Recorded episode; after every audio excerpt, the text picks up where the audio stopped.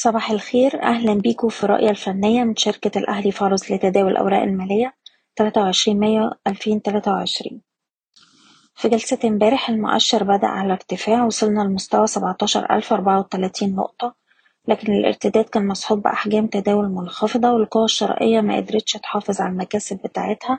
بدأنا في التراجع وأغلقنا عند أدنى مستويات الجلسة عند 16764 نقطة.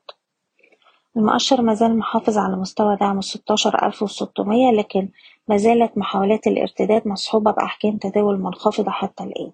وبالتالي بنركز على مستوى الدعم ستاشر ستمية محتاجين نفضل محافظين على المستوى ده عشان نشوف مزيد من محاولات الارتداد. وفي الحالة دي بنواجه مستويات مقاومة عند السبعتاشر ألف ومية وفي حالة اختراقها نقدر نجرب على السبعتاشر ألف وخمسمية مرة تانية.